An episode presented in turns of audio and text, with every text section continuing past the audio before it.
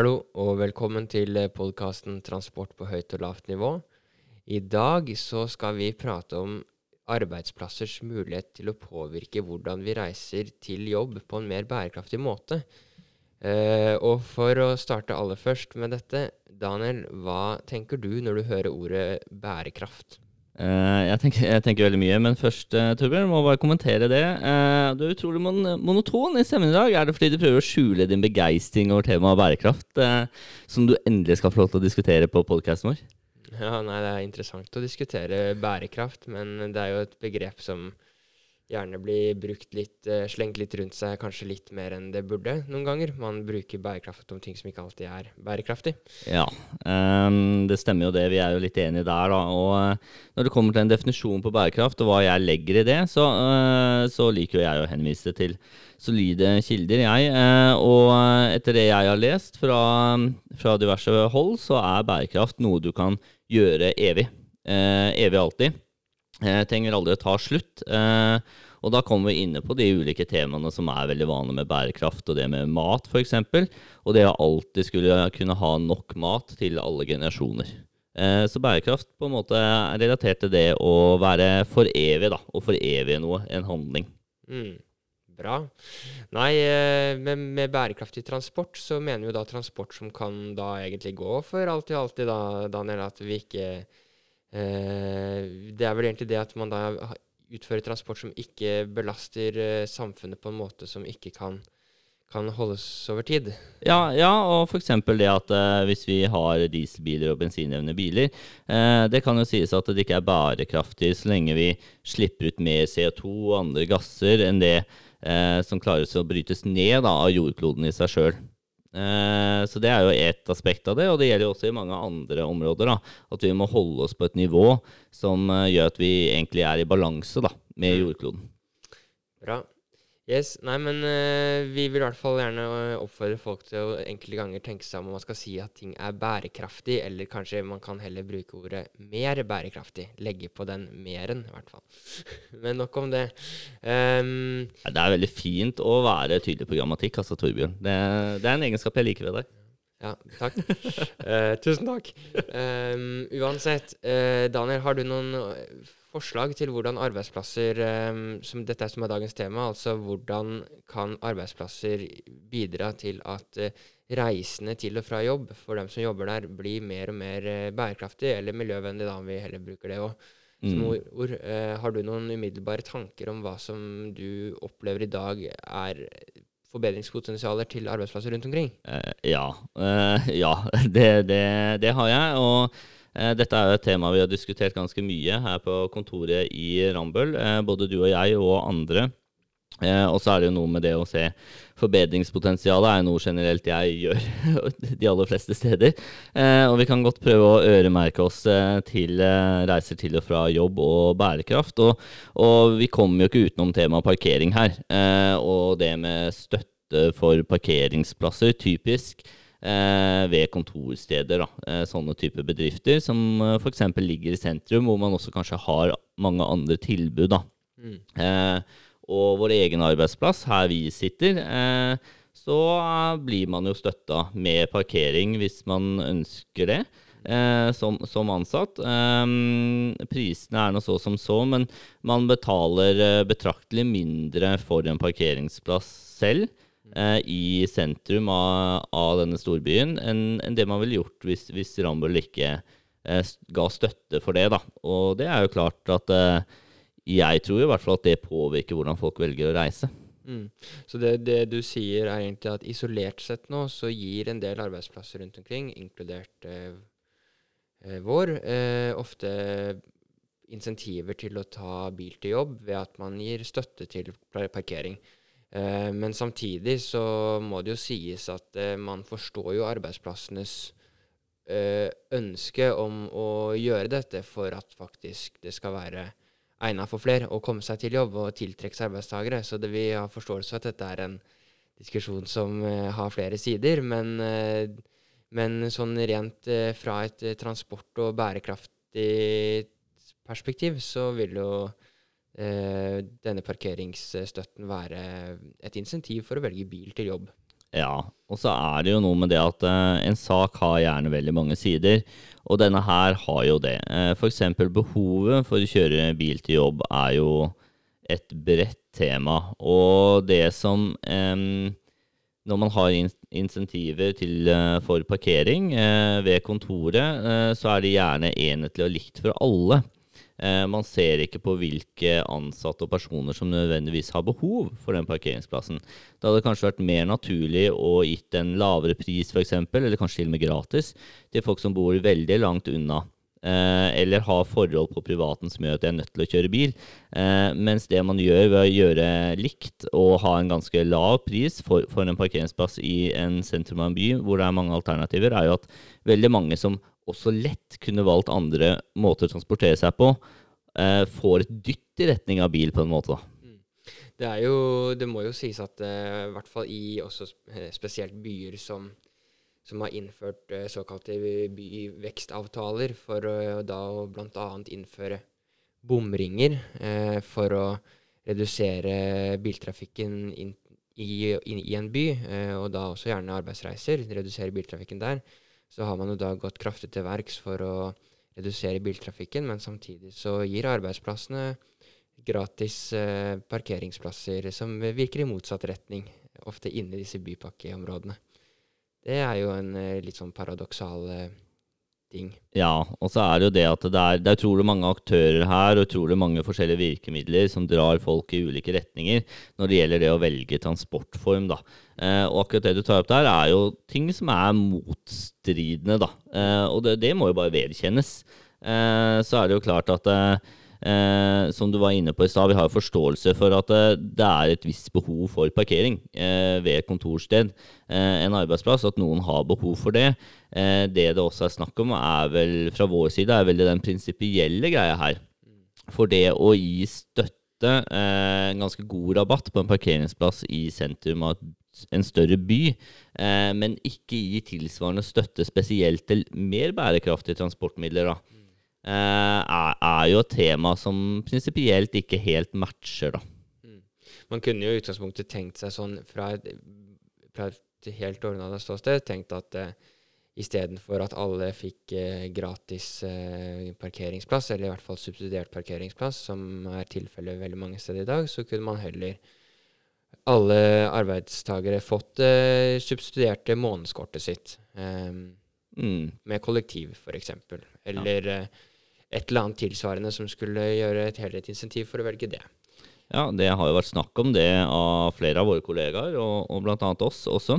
Eh, det som er litt synd, er at det er jo gjerne en del sånne regler knytta til skatt og alt det med å få støtte og sånn eh, for ulike ting som dessverre ikke er der eh, ved parkering. Og, og vi kan kanskje komme med en liten oppfordring til politikerne om å, å endre noe på det regelverket, spesielt kanskje negativt for parkering. Ja, jeg tør ikke uttale meg for mye om eh, skattereglene rundt disse diverse godene. Jeg kan for lite om det, men i hvert fall jeg regner med at det på et eller annet vis ville vært mulighet for å, for å gi goder eh, som, som trekker i den andre retningen også. Det som er viktig å si, er at det er alltid mulig å gi goder. Det handler bare om hvor mye som den, den enkelte arbeidstaker sitter igjen med eh, til slutt. da. Eh, men, men det er klart at det er mye prinsipielle forskjeller her. Og det som på en måte er en del av denne, stor del av denne episodens tema, er jo det med at mange bedrifter fokuserer på og markedsfører at de skal være bærekraftige. Eh, men så har de f.eks. denne parkeringsstøtten. Eh, og, og den har vi vært en del inne på, hvordan den er bygd opp og sånne ting. Og at vi syns det er en prinsipiell mismatch her, da. Men hvis vi ser på litt andre muligheter, da, for det er jo hva er alternativene? Er de reelle? Vi må jo være praktiske her. Um, og ta f.eks. det med kollektiv, som du nå er inne på, Torbjørn. Det, det finnes jo, I tillegg til økonomisk støtte, så finnes det jo litt flere tiltak man kan gjøre. Det er jo noen bedrifter som har sånn ruteinformasjon eh, på kontorplassen. Eh, for meg så blir det litt sånn gimmick, fordi vi alle har app og internett på PC-en uansett. Men, men det er nå i hvert fall et tiltak som hever fokus, da, om ikke annet. Ja, nei, det er jo sånne type tiltak kan jo gjøre at folk eh, i hvert fall blir mer observant på at det faktisk finnes et kollektivtilbud som er mulig å bruke. Eh, og så må man selvfølgelig da ha en infrastruktur rundt arbeidsplassen som, som er egna. Eh, det må jo også sies at eh, hvor diverse bedrifter velger å plassere kontorlokalene sine er jo veldig sentralt da, for hvordan, hvordan, de legger opp til at folk skal komme seg dit òg. Eh, og det er jo ofte dyrere jo mer sentralt du har kontorer, selvfølgelig. Og eh, dermed også dyrere å på en måte tilrettelegge for en god, um, en god mulighet for å reise kollektivt til jobb. Det, Eh, ved at du f.eks. har stasjonslokaler rundt stasjonsområder. Eh, det, det, er jo ofte dyrere. Så det, mm. Da blir det også tilsvarende Arbeidsplassen må også betale for å legge opp til at folk kan komme seg eh, bærekraftig eller mer kollektivt til fra jobb. Men samtidig så når det også flere, da.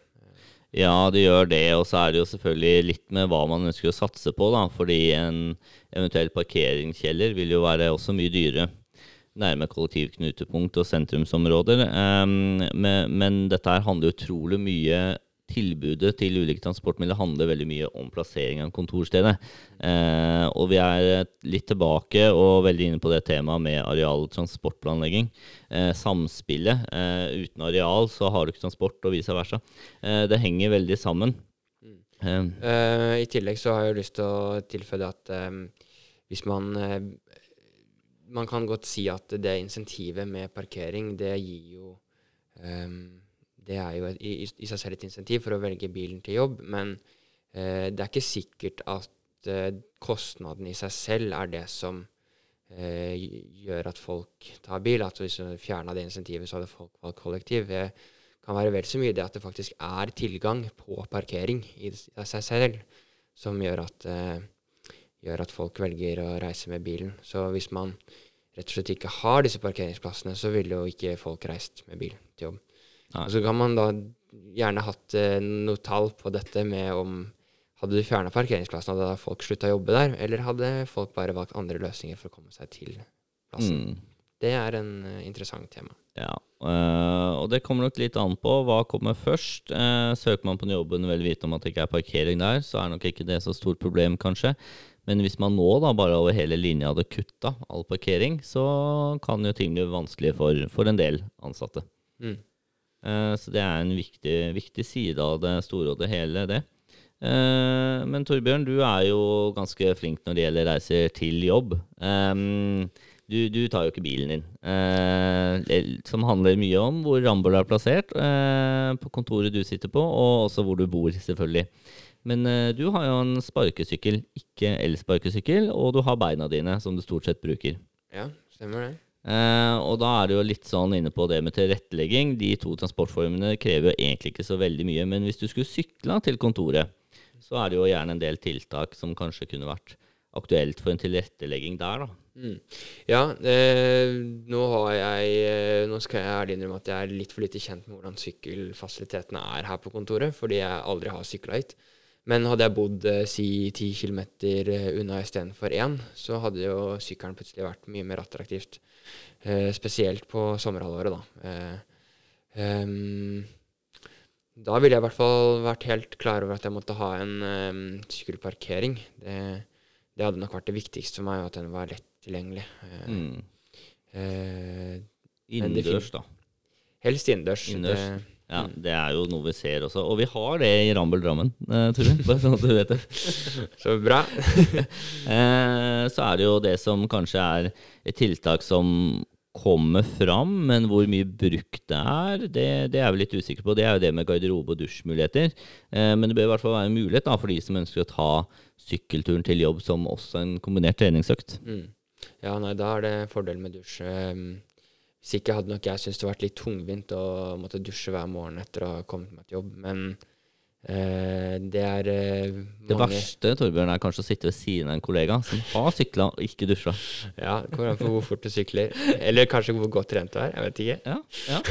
Eh, I tillegg til det å vaske, vaske oss selv eh, ved eventuell sykling, så er det jo mulig med sånn sykkelvask. Det har blitt en litt sånn hipp trend, føler jeg, som man hører litt, eh, at man har fått etablert en sånn sykkelvaskemaskin. Skøyen-kontoret vårt, det nye, har jo fått det, faktisk. Ja. Eh, det, det, er, det, er, litt sånn skeptisk til sjøl, Torbjørn? Nei, jeg, jeg, er ikke skeptisk til det, men det er liksom eh, Her lager vi snart et sykkelverksted på alle arbeidsplasser. ja. Nei, men det er, det er veldig positivt, det altså, at man kan også vedlikeholde sykkelen sin. Eh, det finnes jo sikkert I parkeringskjellerne rundt omkring for bil så finnes det sikkert eh, verktøy for å hjelpe til å vedlikeholde bilen, så hvorfor ikke ha det for sykkelen, virkelig. Altså, det er jo i hvert fall det å med på å etablere et mer fokus eh, mot eh, det at sykling er et reelt alternativ.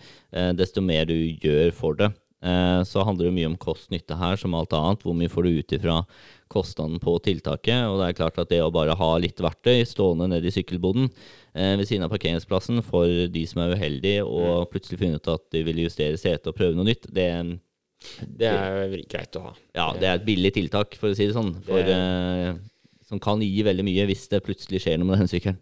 Mm.